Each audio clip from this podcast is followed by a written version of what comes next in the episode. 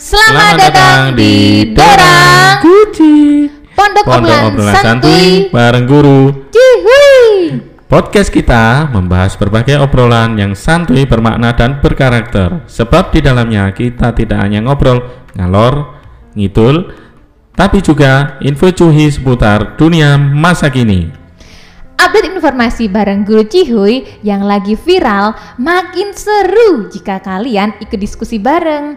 Guru Cihuy bukan hanya saling sharing informasi tetapi juga berbagi pengalaman hidup yang seru dan asik selalu. Yuk, pantengin terus podcast kita Dorang Guci Pondok obrolan santuy bareng guru Cihuy.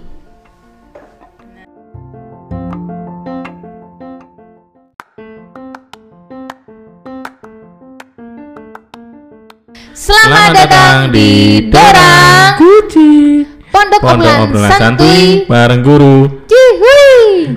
Podcast kita membahas berbagai obrolan yang santuy, bermakna, dan berkarakter. Sebab di dalamnya kita tidak hanya ngobrol, ngalor, ngidul, tapi juga info cuhi seputar dunia masa kini. Update informasi bareng Guru Cihuy yang lagi viral makin seru jika kalian ikut diskusi bareng.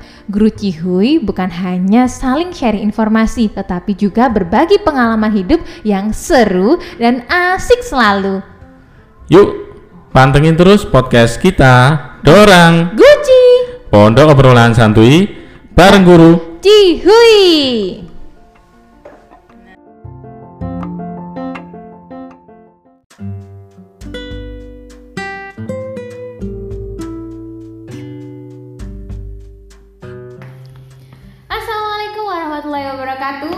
Lagi di podcast Dorang Bersama saya Kak Anissa Aryani dan di samping saya ada Kak Wahyu Puspa Oke, tema minggu kemarin podcastnya tentang apa nih Kak? tentang pembelajaran online ya kan ini lagi masih ma- masih pandemi covid jadi Mhm. masih tren lah pembelajaran online Mhm. tapi kemarin kita fokus ke anak usia dini sampai sekolah dasar Iya. Nah, terus karena hubungannya pembelajaran online itu tidak jauh sama yang namanya hardware gadget ya Gadget, Oh, iya iya, gitu. betul. Kan Media virtualnya ya? Ah, media virtualnya bahkan bisa jadi kebutuhan primer ya sekarang ya. Iya. Nah, Mm-mm. nah tapi yang kita bahas kemarin itu adalah eh, suatu dampak yang tidak terduga. Mm-mm. Nah, yang menimpa anak-anak usia dini ini hingga kurang lebih sekolah dasar Mm-mm. terkait penggunaan gadget. Nah, di penghujung acara kemarin kita sempat singgung nih masalah gadget yang menjadi eh, magnet terbesar di rumah sakit jiwa. Mm-mm. Magnetnya dia adalah menjadi salah satu pasien ya.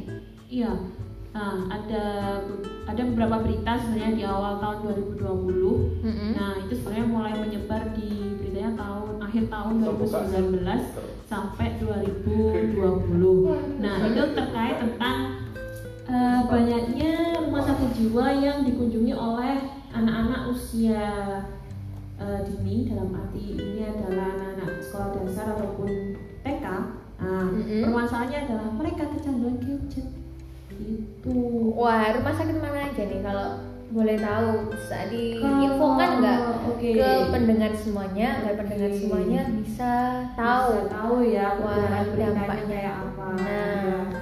Eh, ini kalau saya ambil dari Tribun Jabar, ini Ya. ada rumah sakit jiwa Cisarua. Wah, Cisarua Yang- di Bandung ya? Iya di Bandung bener banget. Itu mereka, nah di tertulisnya tuh gini, masalah kejiwaan dialami anak-anak sebab karena penggunaan gadget yang berlebihan, gangguan jiwa loh kak. Wow, mental illness ya? Oh, oh, mental illness. Banget. Bahkan mengutip dari eh, healthdetic.com juga mengatakan ada satu quotes bahwa WHO juga telah menetapkan bahwa kecanduan game ini sebagai mental illness. Kalau sudah hubungan mental illness berarti udah masuk sebuah penyakit sakit Gangguan jiwa. eh, harus diobati dan harus segera disembuhkan juga. Oke, prosesnya juga ada yang salah di otaknya jadi dia butuh obat Oh, dan oh. juga terapi Benar banget. Di sisi lain kan kemarin kita bahas bahwa mereka ini umur-umur usia golden golden age ya. Yang Iya. mana apa yang mereka lihat itu yang mereka contoh, apa yang yang jelas yang dilakukan sehari-hari menurut mereka ya udah berarti ini kebiasaanku gitu. Tapi ketika kita ngasih mereka itu asupan-asupan seperti eh, main gadget berlebih, apa-apa disodori gadget, nangis sedikit gadget, eh, kartun-kartun sedikit gadget, semua gadget akhirnya ya bakalan jadi mana gadgetku main. Hmm, Mana jalan HP-ku? lintas orang tua Mm-mm. bahwasanya kalau nangis kasih gadget aja bukan Nah. diselesaikan masalahnya dikasih pengertian tapi langsung gadget adalah jalan bener. pintas atau jalan Heeh. ninja Benar, benar banget. Nah, ini sebenarnya eh, terkait masalah mental illness ini, Mm-mm. saya ada pengalaman sendiri. wah, wah. cerita dong Pengalaman sendiri apa? saudara saya sendiri sebenarnya. Mm-mm. Cuma saya pribadi agak dari udah lama tahu Iya. Dia seperti itu itu keponakan saya sendiri. usia usia Usia dia sebenarnya masih usia mungkin belum genap 24 bulan, belum genap 2 tahun kok. Masih kurang lebih 17 18 bulan. Kurang lebih masih kecil. Setahun setengah ya? Setahun setahun setengah baru bisa jalan, oke ngomong juga belum lancar. oke Nah, nah di situ suatu hal yang mengejutkan saya waktu berkunjung ke rumahnya dia pas Mhm. liburan akhir tahun kemarin iya itu waktu saya main oh eh, kakaknya main Mhm. HP Mhm. terus habis itu tahu lah dia Hmm. mana HP-ku mana HP-ku mana HP-ku jadi kayak bilang sampai kayak mem- membabi buta gitu menurut saya kayak kayak orang Jawa goblok kali bu ya nah sampai HP-ku HP-ku HP-ku HP-ku HP-ku itu yang Sampai kayak HP gitu. ku orang tuanya? Bukan anaknya. Katanya usia satu tahun setengah. Iya kan bilangnya HP-ku HP-ku HP-ku HP-ku aku udah bisa ngomong. Nah, nah ya baru bisa ngomong. Oh baru bisa ngomong HP Nah, HP-ku, HP-ku, HP-ku gitu. Loh. Dan terus kalau sudah di situ ya udah dia mantengin itu lama banget Mhm. itu diminta kamu, kamu gitu. oke. Jadi kayak dia tuh pokoknya tahu orang lihat itu langsung punyaku Mhm. itu langsung habis itu dipantengin lama gitu nggak nggak segera nggak pokoknya nggak lepas lepas gitu loh. Sampai disemprotkan ini loh ada apa mobil-mobilan ada ini Mm-mm. udah nggak tertarik lagi. Loh itu sampai benar-benar perhatiannya sudah ke situ. Bahkan sampai mamanya Mm-mm. atau neneknya itu misal pengen pinjam HP-nya untuk telepon tuh sampai nyari-nyari nyari tempat lah untuk gimana caranya biar nggak ketahuan anak itu karena karena ketahuan anak itu berarti langsung HP tuh HP HP HP gitu pokoknya langsung kayak alarm yang mau babi buta gitu loh maksudnya pokoknya aku harus harus dapat itu aku harus main itu gitu Hmm. nah cuma sayangnya nah terus kok pas banget habis pulang liburan Mhm. di rumah karena sama keluarga biar berita ada kasus ini Hmm. oh berarti ponakanku bisa jadi kena mental illness ah kena kena nah mental itu illness. usianya di bawah lima tahun. Di bawah lima tahun malah masih masih belum genap dua tahun baru bisa jalan. Baru bisa jalan baru bisa baru bisa jalan. Nah itu. Terus habis itu, itu yang pertama yang kedua kakaknya kakaknya tuh Hmm. kelas 2 SD Mhm. 2 SD juga. Cuma mulai bisa ngontrol ya yang kemarin kan kita sempat bahas kalau anak SD itu kan pola didiknya yang kayak tawanan perang gitu kan kemarin nah dikasih te- ketegasan gitu kan. Main HP iya main HP gitu. Tapi kalau kalau kadang kecanduan itu juga sampai sampai tuh dia tuh lihat tuh deket banget bu sampai sekian. Nggak tahu ya jaraknya mungkin nggak nggak sampai 30 cm lah menurut saya menurut saya loh menurut saya. Terus habis itu lumayan lama yang dilihat itu kayak ya jasa anak-anak kecil kartun-kartun gitu kan Hmm. game dan segala macamnya itu sampai ini ayo udah selesai waktunya Eh, ditaruh HP-nya gitu kadang dia iya bentar ya bentar ya bentar gitu sampai kasihan banget matanya tuh kayak mata kelelahan dulu Mhm. kayak kita kita yang udah usia 20-an ke atas mungkin Oh kebanyakan man, mata nonton panda. nonton drakor kali ya ya kan Oh. sampai mungkin matanya udah kayak gitu lah intinya. Kasihan sih. menurut saya sih seperti itu. Itu pandangan saya gitu. Cuma melihat berita yang langsung loh kayak gini aja udah masuk mental illness Mhm. udah masuk rumah sakit jiwa. Mhm. Ber- berarti ponakan-ponakanku ini udah sampai hal yang apa ya? Kok nggak disadari ya? Pikirku tuh sebenarnya itu pertama kedua mau langsung negur maminya kayak ya melihat posisi gimana ya kan orang beda-beda ya Iya. nah takutnya gini Ada yang mau menerima kritikan. nah ada, ada yang tidak. menolak kritikan. nah itu walaupun ya kita tahu sebenarnya tujuan kita kan baik Mm-mm. demi anaknya biar nggak sampai kecanduan berlebih Mm-mm. gitu nah satu hal lagi yang pernah saya lihat di berita di Mm-mm. TV itu bahkan anak kecanduan eh, itu yang sudah dirawat di RSC Mm-mm. itu kurang lebih dia usia 12 tahun 12 Hmm. atau SMP lah kurang lebih Mm-mm. tangannya itu nggak berhenti untuk getar jadi jempolnya itu jempolnya tuh terus memposisikan dia seakan-akan dia pegang Hmm. HP kayak main gitu terus geter nggak bisa diem terus geter nggak bisa diem kayak apa, Hmm. anoreksia ya apa Oh, Eh, bukan, bukan, bukan, itu bukan anoreksi. terkait dengan Ah, body shaming. oh ya body shaming apa ya geter-geter sendiri itu Buyutan. Tremor.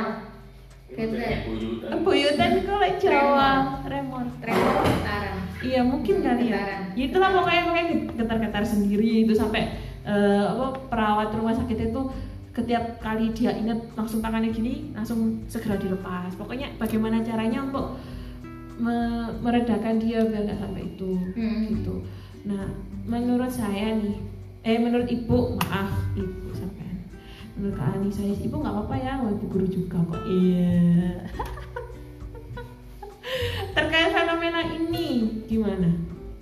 Oke, eh, yang ter- pertama yang pingin nanggap itu eh, usianya masih satu tahun setengah. Mm-mm. Eh, itu yang diajak komunikasi kan anak kecil. Yang Hmm. pengen saya tanyakan dan mengherankan sekali, Mm-mm. dia kok bisa ngomong HP ku? Apakah setiap kali percakapan dan sebagainya itu eh, dikasih tahu ini HP kayak gitu? I think kayak iya. Soalnya misalnya ini loh lihat lihat HP. lihat cicak-cicak di HP. Oh, Jadi kayak masih tetap ada unsur kata-kata HP gitu. Oke. Jadinya di mindsetnya dia tuh udah tahu bahwa benda kotak kecil ini adalah HP. Oke, berarti sudah terlalu sering kan? Iya. Oke, terus yang kedua eh, di usia seperti itu seberapa sering sih komunikasi ibu dan anak? Apakah ibunya itu kerja, Ah, iya. ibunya Iya, kerja, terus Ayahnya anaknya- juga kerja. terus anaknya di rumah sama neneknya. sama neneknya, Iya. terus neneknya itu kerja juga Enggak, ya di rumah. di rumah, Hmm. terus neneknya sering ngajak komunikasi atau ya wis dikasih HP ya sudah jalan instan seperti itu sama seperti ibunya. Kalau jalan instan kemungkinan kemungkinan ada sih, kemungkinan besar ada. Hmm. Melihat dianya kok seperti itu. Se- eh, kadang kan bukan berarti kerja tapi kan pekerjaan rumah tangga. Hmm. Bisa jadi kalau misalnya entah bersih-bersih atau apa gitu. Bisa jadi.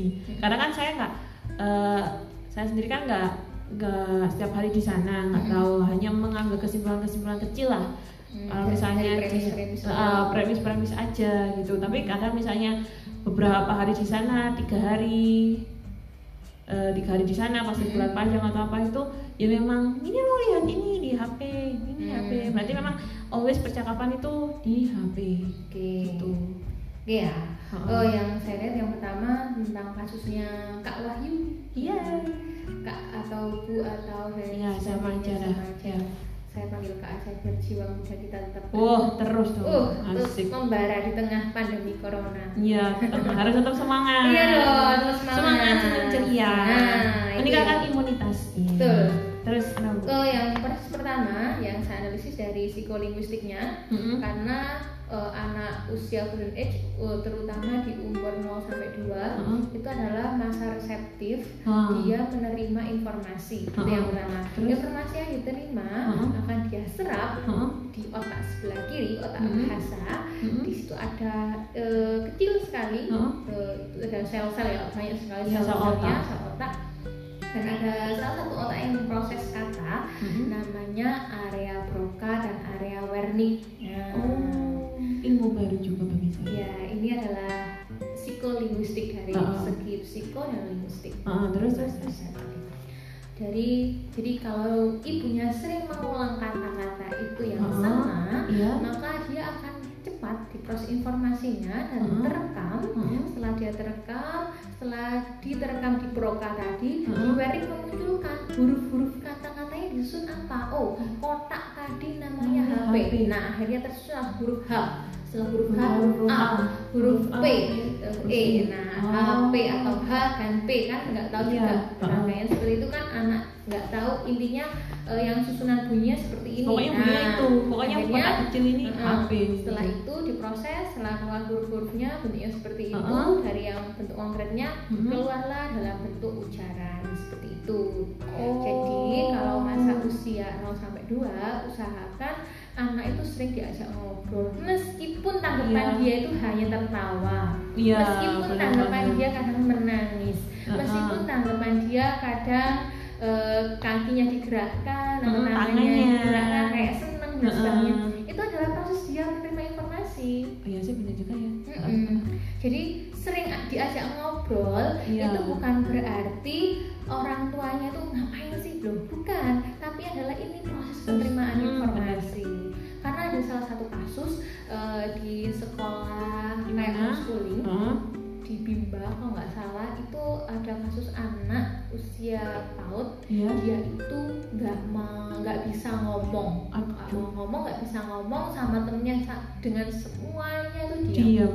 dan apa yang terjadi setelah dianalisis ternyata analisisnya Iya. ketika orang tuanya itu kan dua-duanya sama-sama kerja Heeh. ibunya tuh setelah kerja Heeh. eh, ya sudah jadi pulang pagi eh berangkat pagi pulang malam berangkat heeh. pagi pulang malam Full ya? full Hmm. full time di tempat kerja balik lagi nggak ada yang baby sister dan sebagainya nggak ada yang jagain Terus terus dia di rumah sendiri. Heeh. terus akhirnya itu usianya kisaran 3-4 tahunan lah Di rumah sendiri. Heeh. Sudah di rumah Heeh, sendiri. nggak diajak main ya dia mungkin main HP mungkin bisa jadi dan jarang banget untuk diajak komunikasi Terus pertanyaan saya adalah ayahnya ke mana kerja juga? Mm. Terus anak usia itu ditinggal di rumah sendiri. Mm-mm, kasihan. Kok tega ya?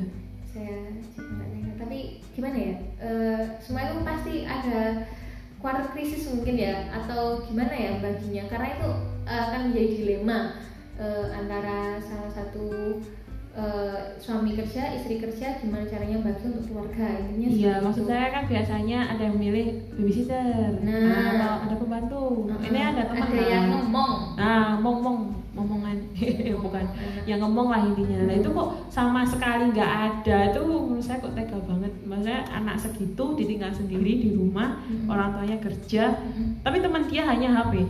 Ada HP berarti, ada HP ada HP. Terus jarang diajak ngobrol intinya untuk bilang nama aku, namaku ini kita aja masa nggak bisa bu? dia diem Diem. akhirnya dia mau berinteraksi setelah di Bimba itu ketika dia diajak untuk menggambar dan sebagainya tapi nggak diajak ngobrol tapi Loh, akhirnya ini gini caranya seperti ini kamu bisa bisa cuma mamput geleng dan Heeh, makut sebagainya. geleng. Tapi akhirnya lambat laun dia keluarlah satu Suara. kata kata karena diajak interaksi itu tadi dia Uh-uh. kan menerima informasi Iya. setelah dia menerima informasi akhirnya dia kreatif kata kan Uh-uh. menyimpan kata terus memproses terus Uh-uh. akhirnya mengeluarkan lagi katanya nah Oh. setelah itu It- akhirnya proses interaksi itu yang membuat dia bisa berbicara Oke, itu. berarti kalau sedikit eh, disimpulkan ya umur-umur itu umur-umur rentan, ya kan? Mm-mm. Harusnya kita ngelatih dia untuk terbiasa kayak misalnya nanti motorik lah, terus hal-hal yang memang eh, jangan keburu-buru gadget deh.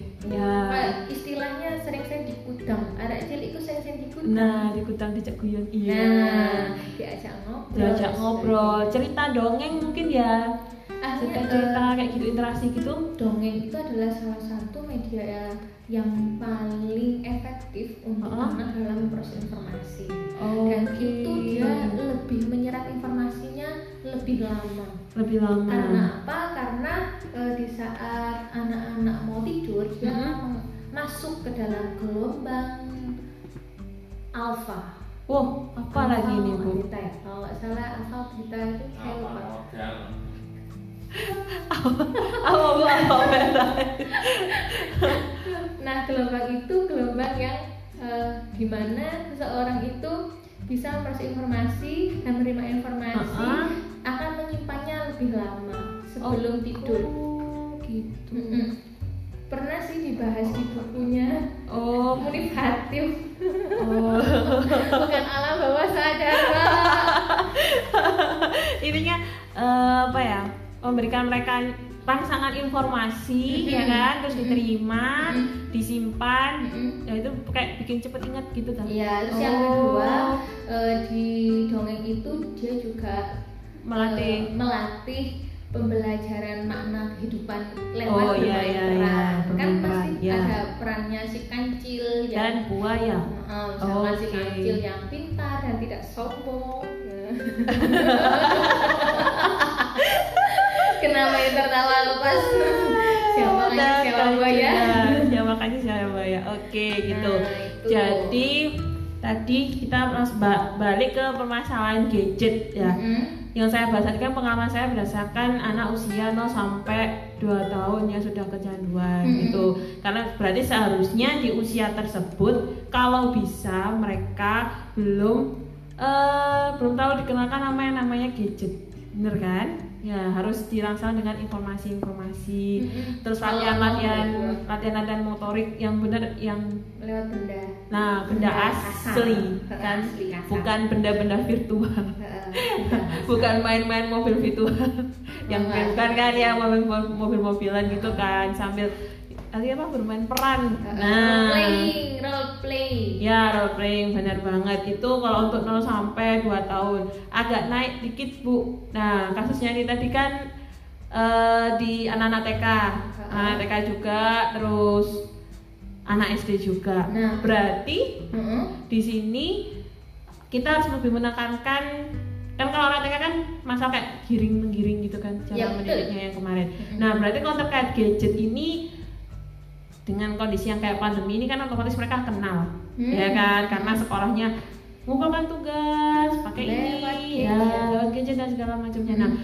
setidaknya untuk meminimalisir ya meminimalisir meminimalisir biar mereka nggak tahu kecanduan kira-kira gimana ya Oke, untuk meminimalisir eh, biar kalian nggak kecanduan, kita berdasarkan cerita atau pengalaman. Iya, kita sharing kan di Sharing sini. Eh, kalau usia 3 sampai 5 itu lagi Mm-mm. masa growing age kan. Iya, Yang saya tahu sih dari Bu Retno Hening. Iya. Kira Nggak apa-apa. Malaysia. Yaitu Ada sumber. Hening. Dia itu ngasih tetap ngasih batasan Mm-mm. ngasih batasan eh, ketika bermain HP. Tapi sebelum ngasih batasan, dia akan cerita dulu. Oh, cerita apa ini? Cerita Tentang eh, bahaya-bahaya atau berdasarkan pengalaman-pengalaman orang lain Oh. kalau kebanyakan main HP. Nanti jadinya kayak gini. Eh, ngelatih anak untuk dia berpikir ya. Ya. Aku melakukan ini penyebabnya apa? Aku Nah. tidak melakukannya penyebabnya nanti juga apa? Nah, Oke. harus dilatih seperti itu. Meskipun kategorinya dia masa operasional konkret dalam arti dia melihat kalau melihat benda A itu Heeh. Ya sudah benda A itu ya namanya kursi punya kaki empat terus ada sandarannya Mm-mm. satu. Nah, Mm-mm. seperti yang dia lihat kan operasional konkret kan. Mm-mm. Tapi eh, balik lagi, kalaupun masa operasional konkret itu kita latih dengan mengonstruksikan pengetahuan-pengetahuan yang baru dengan pengetahuannya yang lama, maka maka Mm-mm. anak itu akan berpikir lagi, oh iya ya kemarin eh, ibu kasih cerita ke aku Oh, tentang iya. bahayanya si gadget, Mm-mm. akhirnya eh, dikasihlah contoh di HP misalkan bahaya seperti ini. Heeh. Oh berarti kalau aku terlalu banyak main Akhirnya jadi kayak gini. akhirnya kayak gini. Nah itu Oh. butuh penjelasan karena anak seusia seperti itu itu Mhm. rasa ingin tahunya itu tinggi. sangat tinggi. Iya. Dan benar jangan sampai kita sebagai orang tua atau calon orang tua Heeh. membunuh membunuh semua jenis pertanyaan dan keinginan. Ah, iya. Iya. Karena saya punya pengalaman sendiri. Karena saya termasuk anak yang banyak Kritis ya. sekali. Oke oke, kayaknya yang masalah ini tadi kekritisan kekritisan Heeh. anak, kayaknya kita bahas next time ya. Oh boleh boleh. Nah, boleh kan ya? Boleh Nah, sekali. Karena kan kita masih hari ini kan temanya tentang masalah gadget tadi kan Mhm. tips untuk yang tadi 0 sampai 2 udah, Mhm. yang TK udah. Kayaknya yang SD sampai umur 12 sama ya. Hmm, enggak beda lagi. Oh, beda lagi. Beda Apa lagi. nih? Biar tahu deh sekalian. Nah, yang kalau anak-anak SD.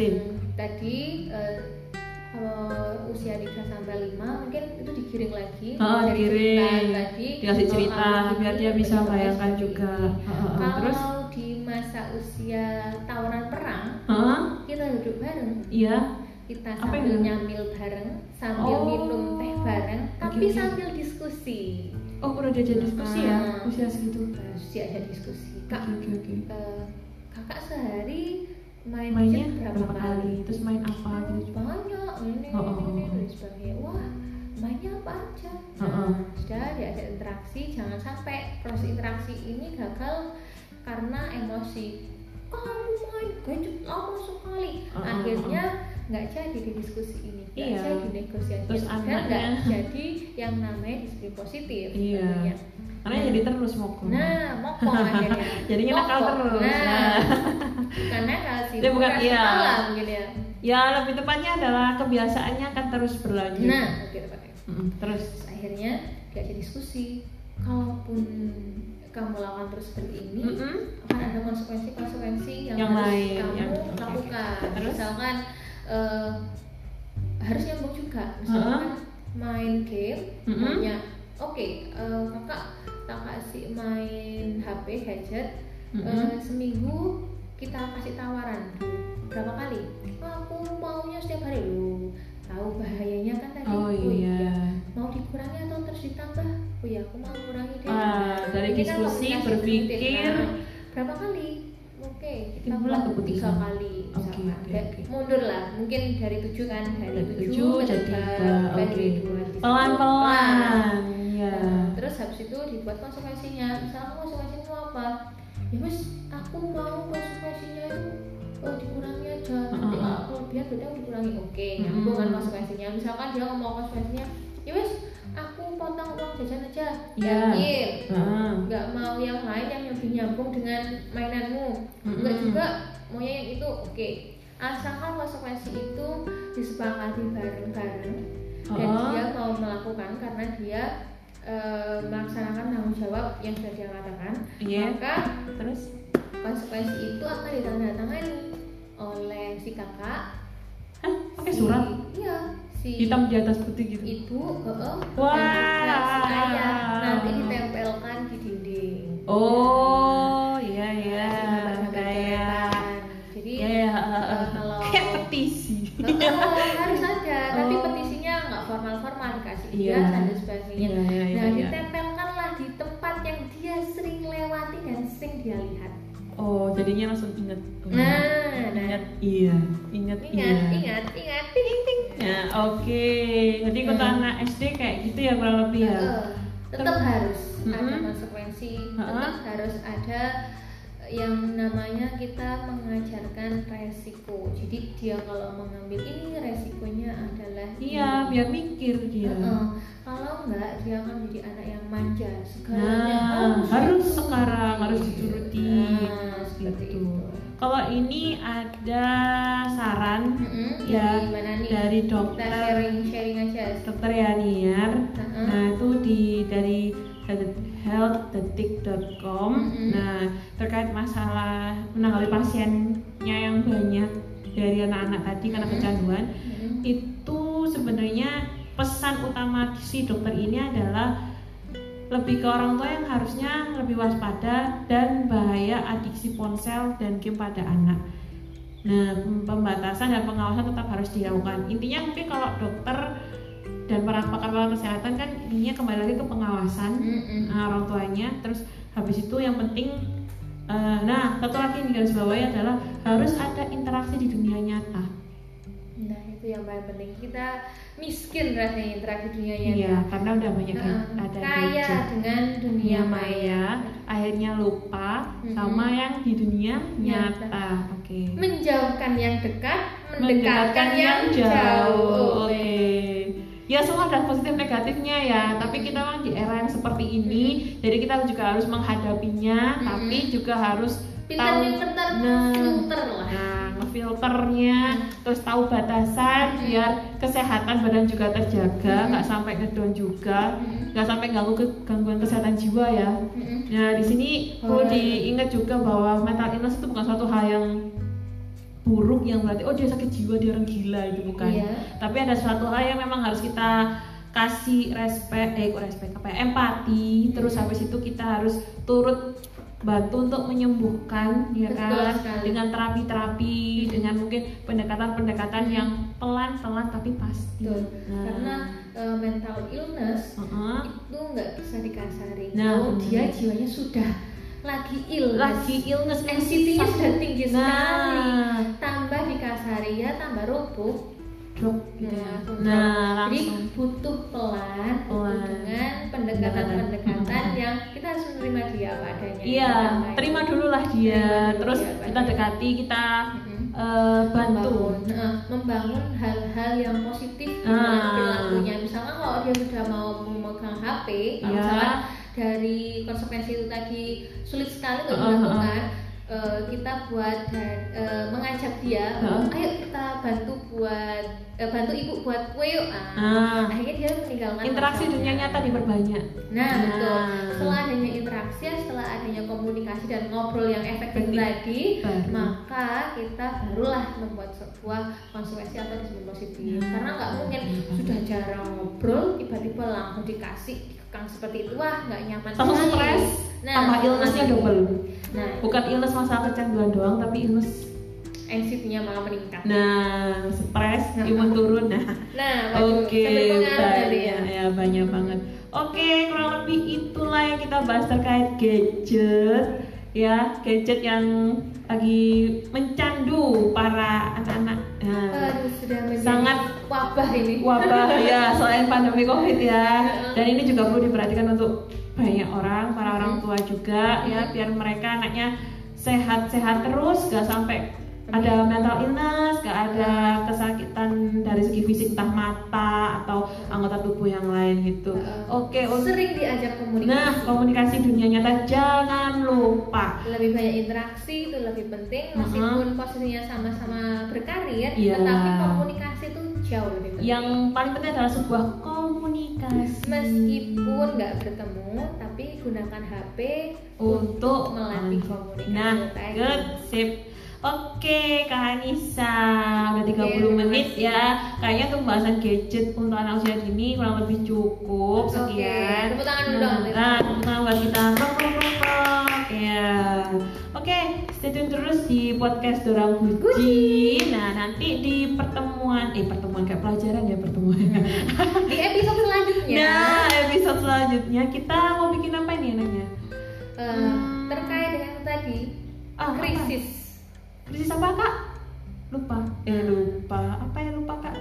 Krisis. atau kritis Oke, benar krisis atau kritis. Ah ya ya ya ya ya.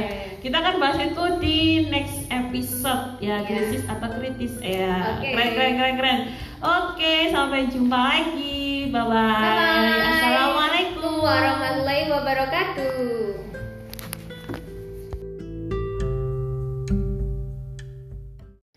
Teks hasil observasi adalah teks hasil pengamatan. Strukturnya ada tiga, yakni definisi umum, deskripsi bagian, dan deskripsi manfaat. Oh, nah itu contohnya seperti itu. Jadi dari buku kalian nyanyikan dengan lagu bebas wes kalau balonku ada lima boleh terserah. Yang menurut kalian bisa dinyanyikan dan mudah. Kalau pakai anchor bisa sih sebenarnya. Cuman eh itu. Saya pengen tahu wajah kalian juga sih di awal. Jadi kalau disambungkan mungkin bisa ya terserah sih kalian bisa ngedit atau gimana mau dikreasi lagi bebas Teks hasil observasi adalah sebuah teks yang berdasarkan hasil pengamatan. Eh, caca marica eh, eh. Itu contoh. Jadi lagu itu boleh juga dikariskan seperti itu. Mudah kan? Teks hasil observasi adalah teks hasil pengamatan. Strukturnya ada tiga, yakni definisi umum, deskripsi bagian dan deskripsi manfaat. Oh, nah itu contohnya seperti itu. Jadi dari buku kalian nyanyikan dengan lagu bebas wes kalau balonku ada lima boleh terserah yang menurut kalian bisa dinyanyikan dan mudah kalau pakai anchor bisa sih sebenarnya cuman eh, itu saya pengen tahu wajah kalian juga sih di awal. Jadi kalau disambungkan mungkin bisa ya terserah sih kalian bisa ngedit atau gimana mau dikreasi lagi bebas